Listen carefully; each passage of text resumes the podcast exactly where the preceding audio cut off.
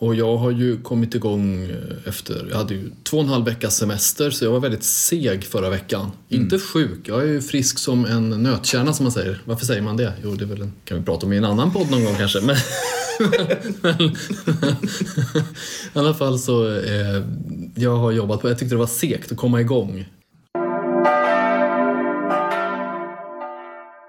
Jag skulle vilja påminna om det, att vi kan inte läsa skriften på egen hand. I Gamla Testamentet är Gud ond eller hård, i Nya Testamentet är Gud liksom god, barmhärtig. Just det. Att det är liksom... Många skulle nog säga att det är ingen fördom, det är sanningen.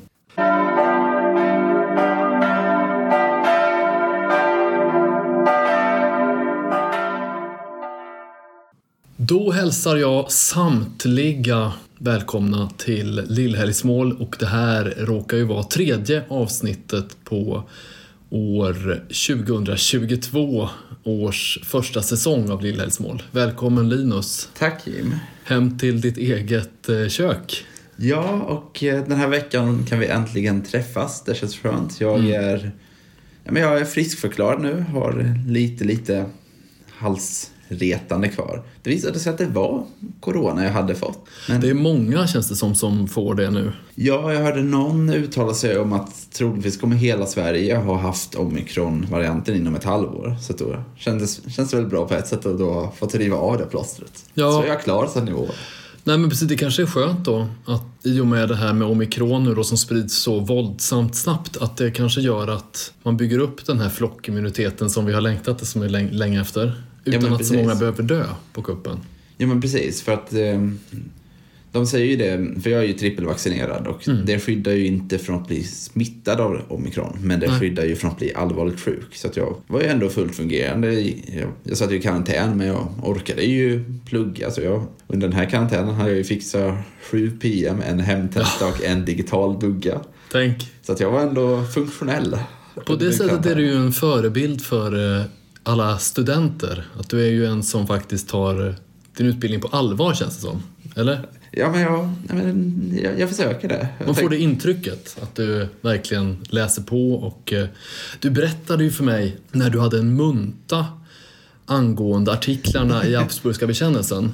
Eh, då, hade, då hade läraren frågat eh, har, du no- har du någon ytterligare fråga som du tycker jag borde ha ställt? Och då ville du att frågan kan du redogöra för artiklarna och dess innehåll Jo, skulle ha kommit upp. Ja, precis. Så det slutade med att jag rabblade alla 28 artiklar i ordning och sammanfattade lite kort. Ja, det är helt normalt naturligtvis. Du, är fullt frisk så att säga. God och glad lutheran. Ja, just det. Ja, men du är en förebild såklart. Ja, tack. Det är bra med pålästa präster. Eh, Den dagen som det händer naturligtvis då. Att man kan sin bekännelse. Eh, Ja precis, och det, så var det ju. Jag, Jag tänkte ibland på det att eh, just i Svenska kyrkan, Lutherkunskap. Ibland pratade man om att det borde finnas eller komma en Lutherrenässans där man verkligen läste Luthers egna texter och hans egna reflektioner kring både Bibeln och, och tron och så. För att ibland så, man, man hade liksom det i bagaget så tydligt, vi är protestanter, vi är lutheraner, men ibland hade jag bilden av att, ja men vad betyder det då? Det var ju normalteologi i Sverige väldigt länge, så man kanske inte reflekterade över det. Mm. Nej, men jag håller med om det. Jag fick ju i kursen med Augsburgska bekännelser som jag läste också läsa en del av de andra bekännelseskrifterna. Och Luthers lilla katekes var jag ju ändå ganska förtrogen med. Men då fick jag också läsa stora katekesen. Och den innehåller det, mycket intressant som jag inte hade mött. Ge något exempel då, som du inte hade mött säger du. Ja, nej, men jag tyckte att... eh, Eller så här, det som jag inte hade mött som jag bland annat fastnade vid var hur Luther resonerade kring... För att Luther hade sagt att man borde fira mässa regelbundet och ofta. Men när han sen verkligen går in på vad är orsaken till att folk inte vill fira mässa? Varför borde en sann kristen vilja fira mässa? Och om man inte vill det, var har det slagit fel? Ja. Han var ju väldigt bestämd på den punkten. Och det tyckte jag var jätteintressant. Och det möter du kanske när du träffar personer kanske i lågkyrkliga sammanhang. Eh, att det liksom mässan är inte lika självklar för alla. För, för dig verkar den ju vara en väldigt central del i din, i din fromhet. Men det är det inte för alla som jag förstår det i Svenska kyrkan. Nej men precis. Nej, men, det tror jag vi pratade om någon gång i förra säsongen av den här podden. Att jag blev ifrågasatt för att jag ville fira mässa mer än en gång i veckan. Mm, mm. Medan eh, läser man Luthers stora katekes så är det väldigt tydligt att frågan borde snarare riktas till de som tycker att man inte ska fira mässa så ofta. Mm. Om man vill vara eh, trogen mot eh, så att säga, den protestantiska Ja. bekännelsen. Ja, Mm. precis. Mm, ja, just så det tyckte jag var jätteintressant.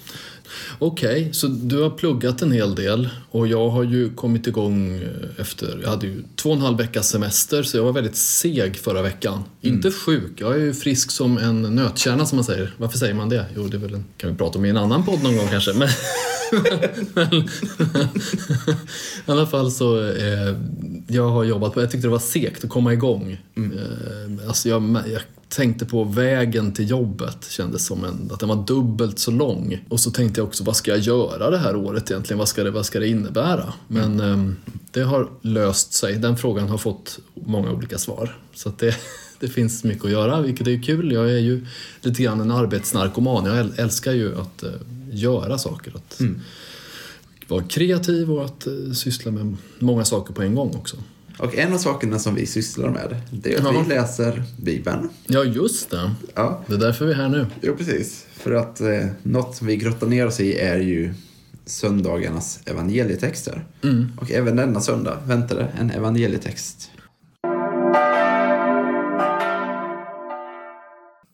Förra veckan så läste ju ni eh, om kvinnan vid Sykars brunn. Mm.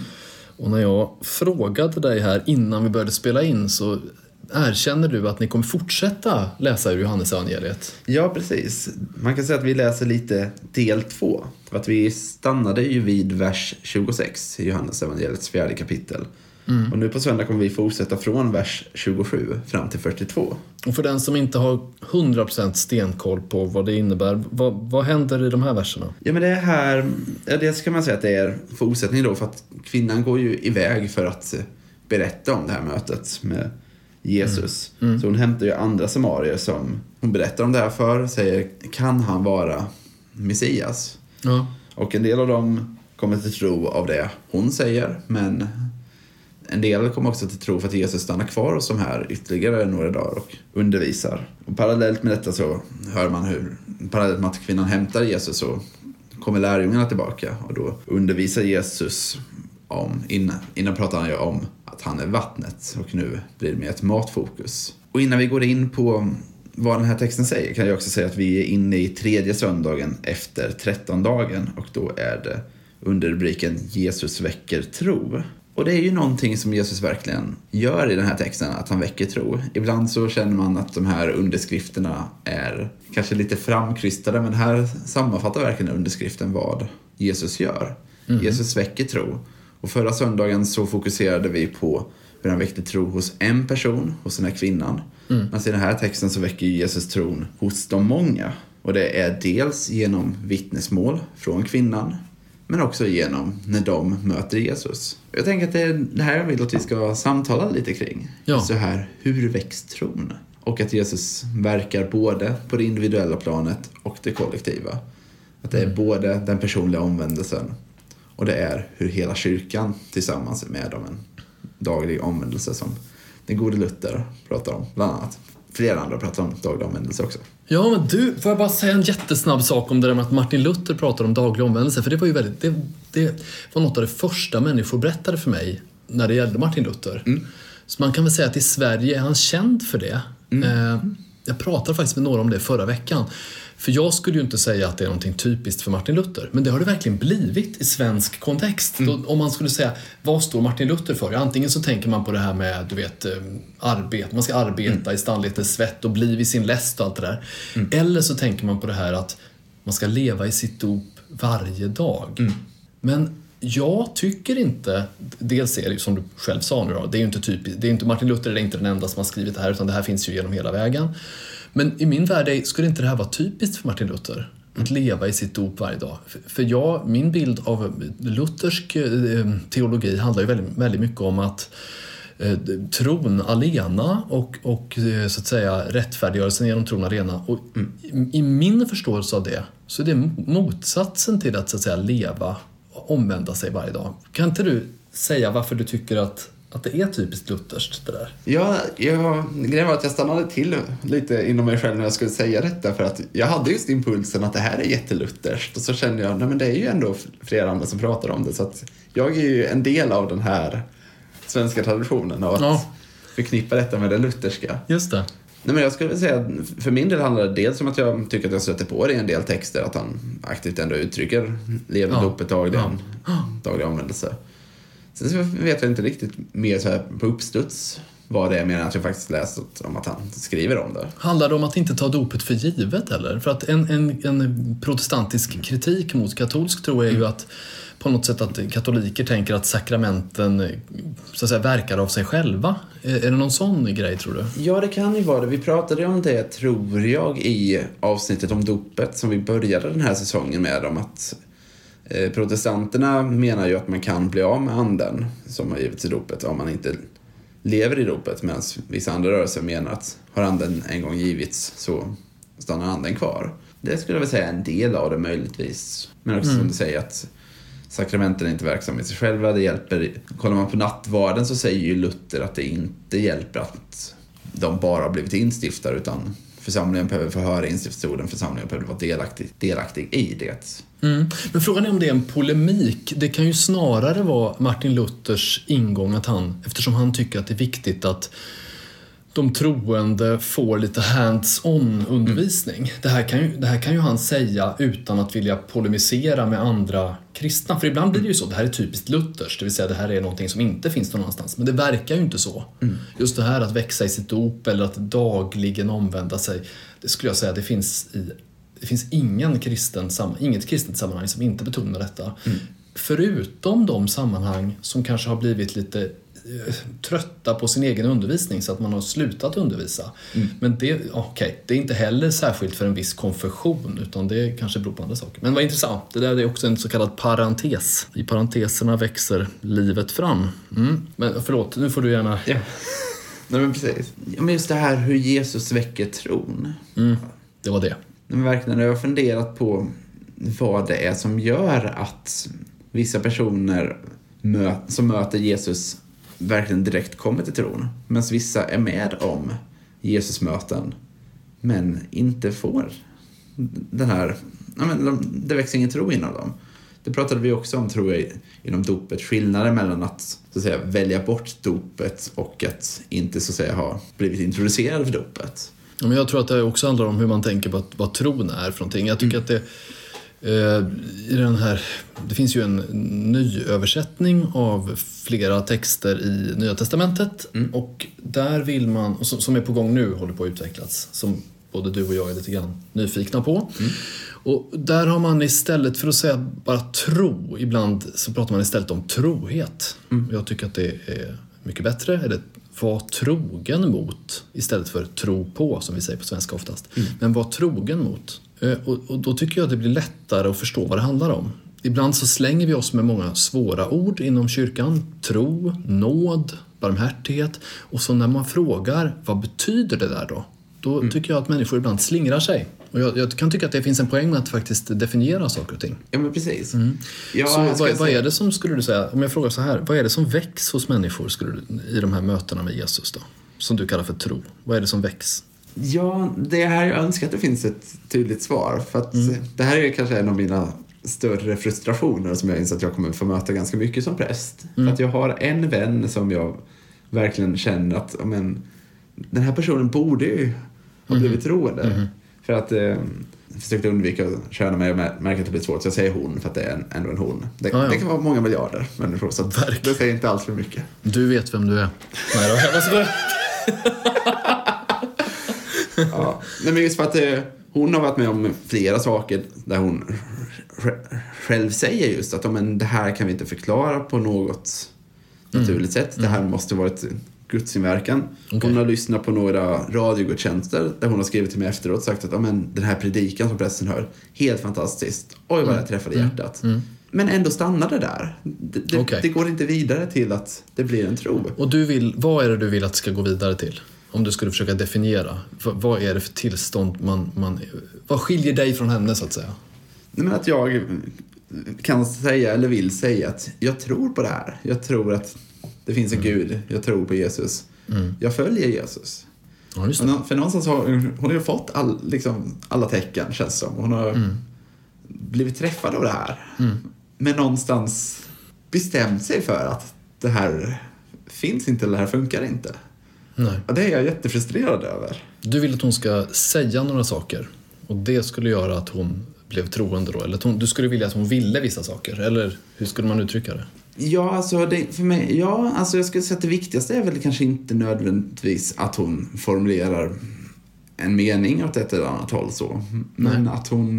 Nej, men jag tror att det hade varit lättare om hon bara inte hade haft mötet, känner jag. Okej. Det här är... Ja, Nej, men för att här, jag, blir, jag blir frustrerad och Ja. samtidigt så liksom... Varför vill hon inte tro, så att säga? Ja, är det det du nej, men lite. Ja. För, att, eh, för mig så tycker jag att hon har liksom fått allt på bordet. Liksom. Det står uppdukat och klart. Liksom. Mm. Det, Uppfattar du att hon avvisar tron? Att hon säger “jag vill inte tro” eller att hon säger eh, “jag vill inte följa Jesus” eller är hon mera avvaktande? Eller hur uppfattar du det? Jag uppfattar mer att det att jag inte vill följa. För att Ja. det finns delar i tron som hon inte vill skriva under på. Just det. Mm. Det kan jag tycka är ju, för jag tycker det är den avgörande punkten. Vill du följa Jesus eller inte? Alltså ärligt talat. Idag eh, när vi spelar in det här så är det den helige Antonius dag. Och jag läste en eh, levnadsteckning om honom.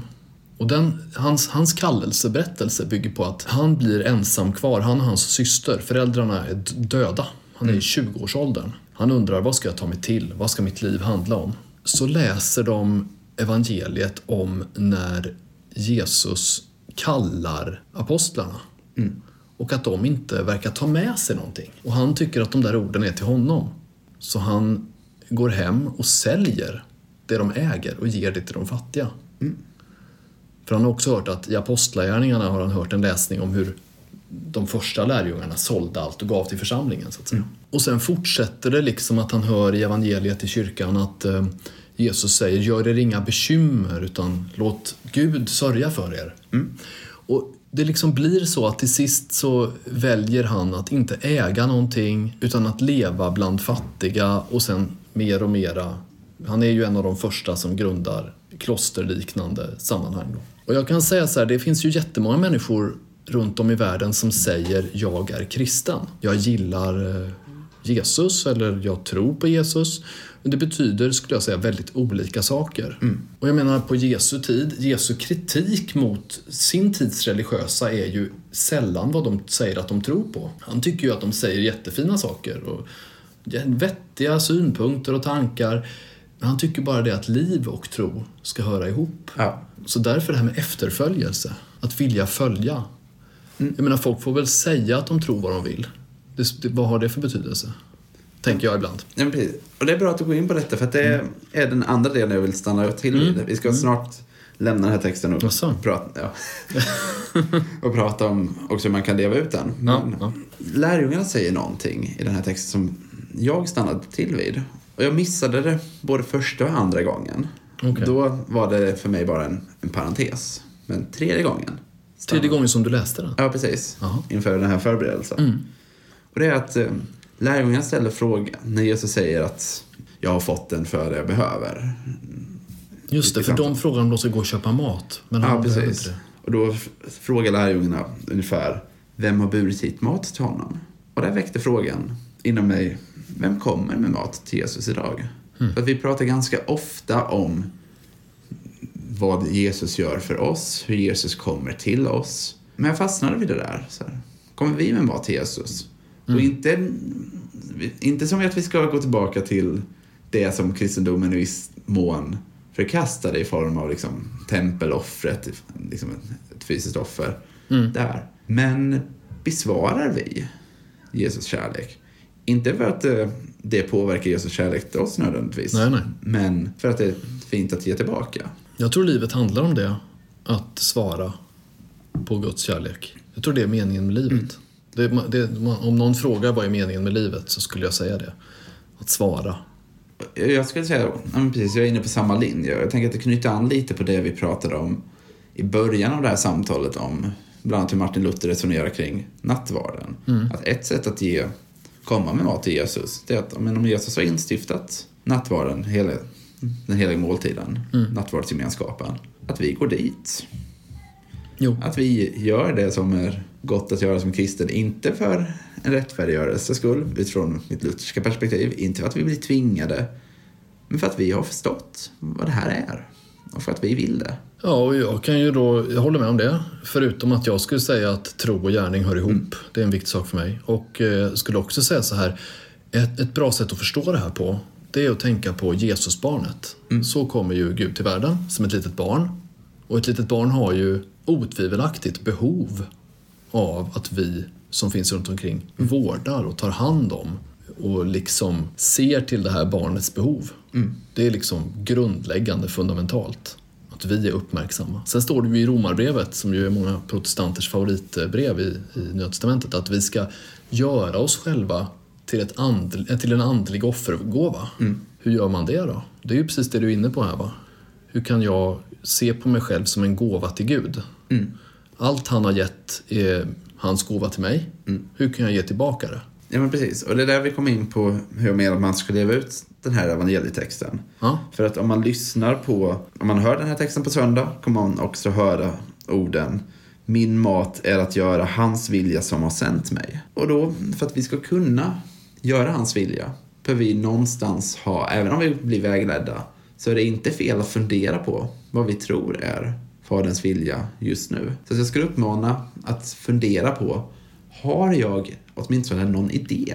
Sen kan vi ha jättefel för att vi förstår inte, vi är inte förmögna att förstå liksom hela Guds plan. Men har jag någon tanke om vad Guds vilja är med mig just nu? Och om jag har en tanke, jobbar jag så i den riktningen? Försöker jag följa det här? Antingen har vi uppfattat en signal och då ska vi gå på den vägen. Eller så börjar vi gå och då är ju min övertygelse att Gud kommer dra tillbaka oss och leda oss på den vägen som det egentligen var tänkt. Men att faktiskt fundera på, hur gör jag Guds vilja med mitt liv?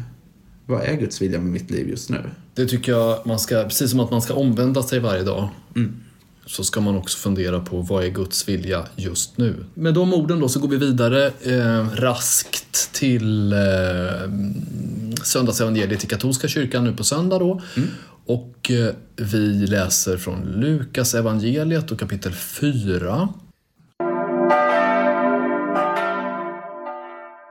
Och Jesus har kommit till synagogan i Nasaret. Det är en känd text. Att han eh, får chansen att läsa text. Han får vara textläsare och predikant i synagogan på gudstjänsten där helt enkelt. Han tar upp en bokrulle, står det, och läser från profeten Jesaja om att eh, mm, på något sätt att nu ska det hända väldigt positiva saker. Eh, blindas ögon ska öppnas och fattiga ska få ett glädjebud.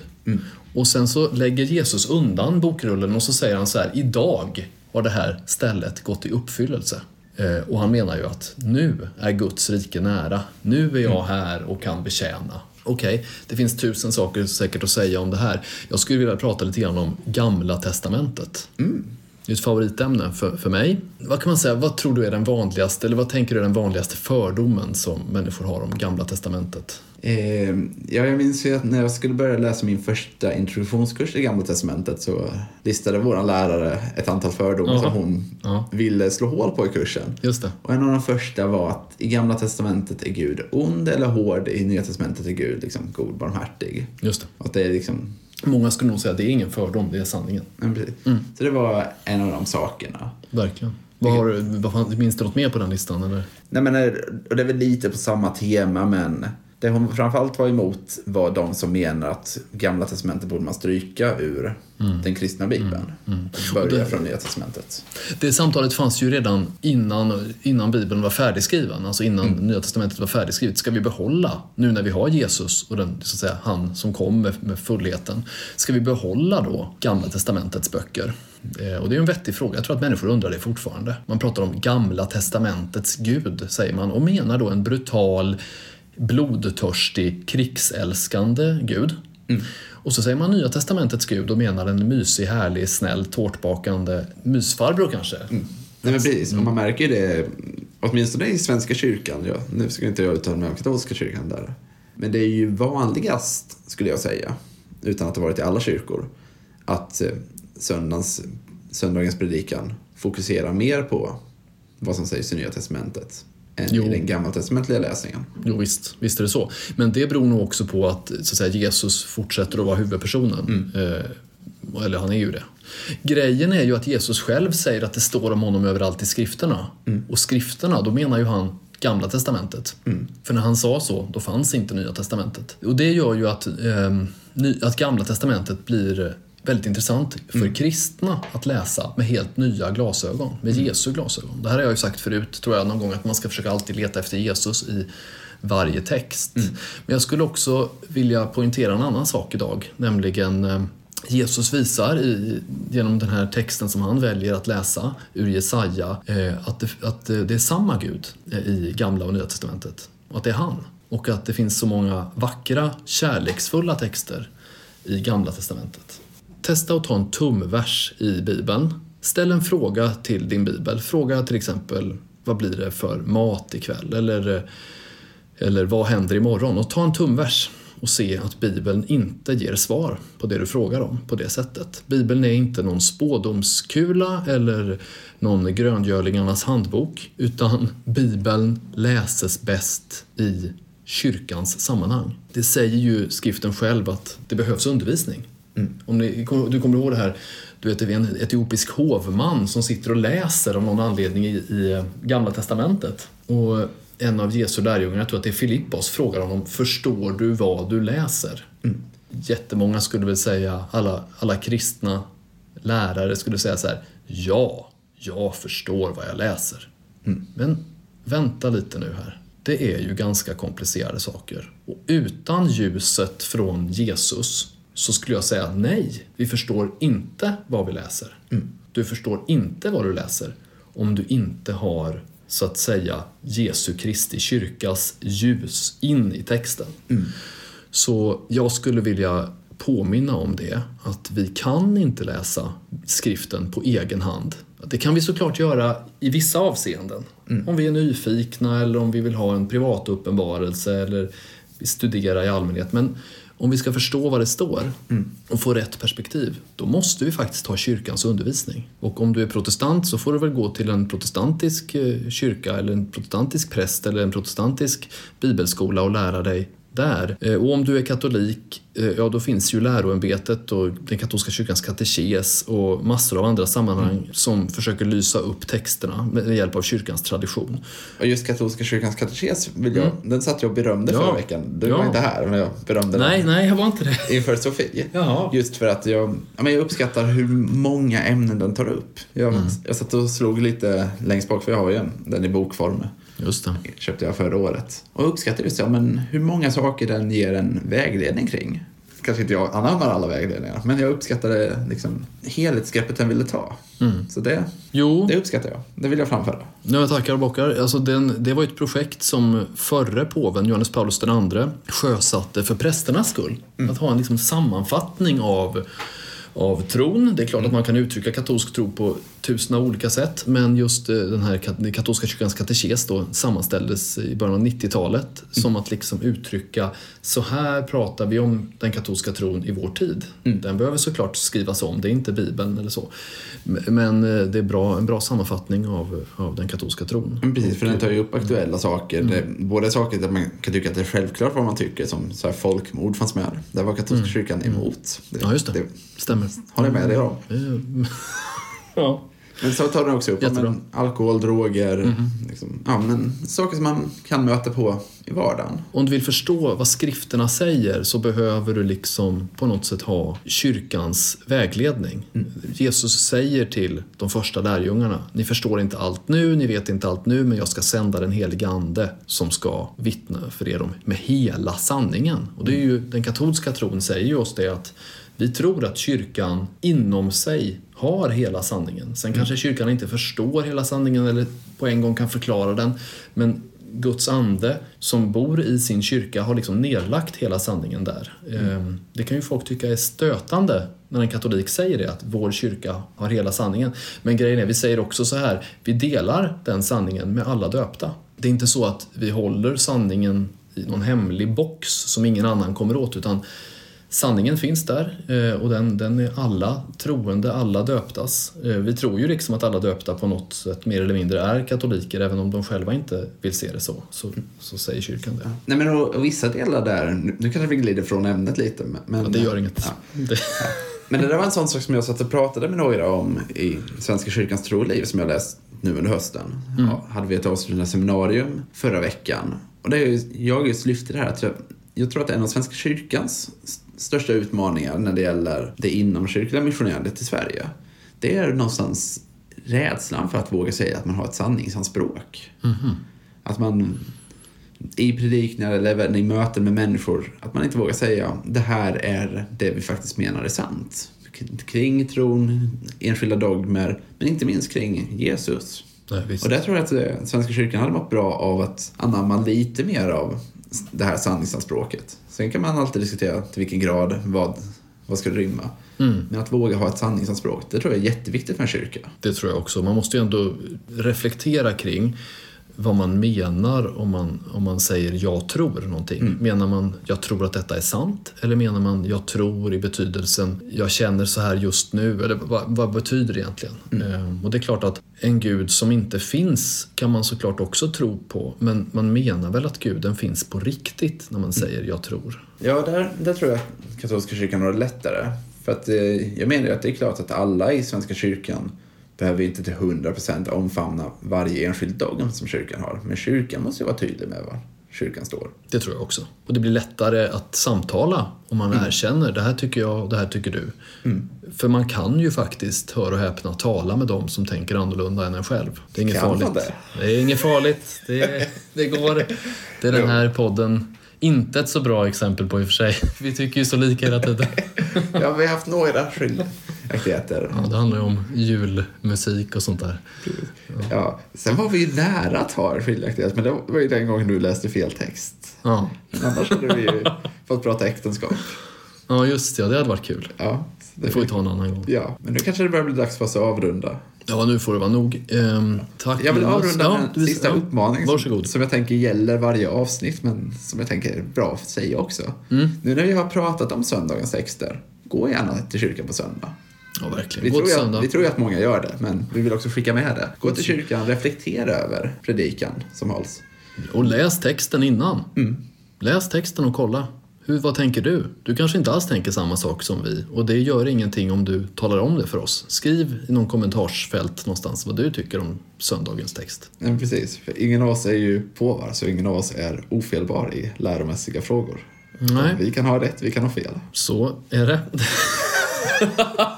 Även om det skaver att erkänna. Ja. Så är det med sanningen. Den kommer fram till sist. Tack för idag då, Linus. Tack själv. Och tack till alla som har lyssnat. Vi hörs om en vecka.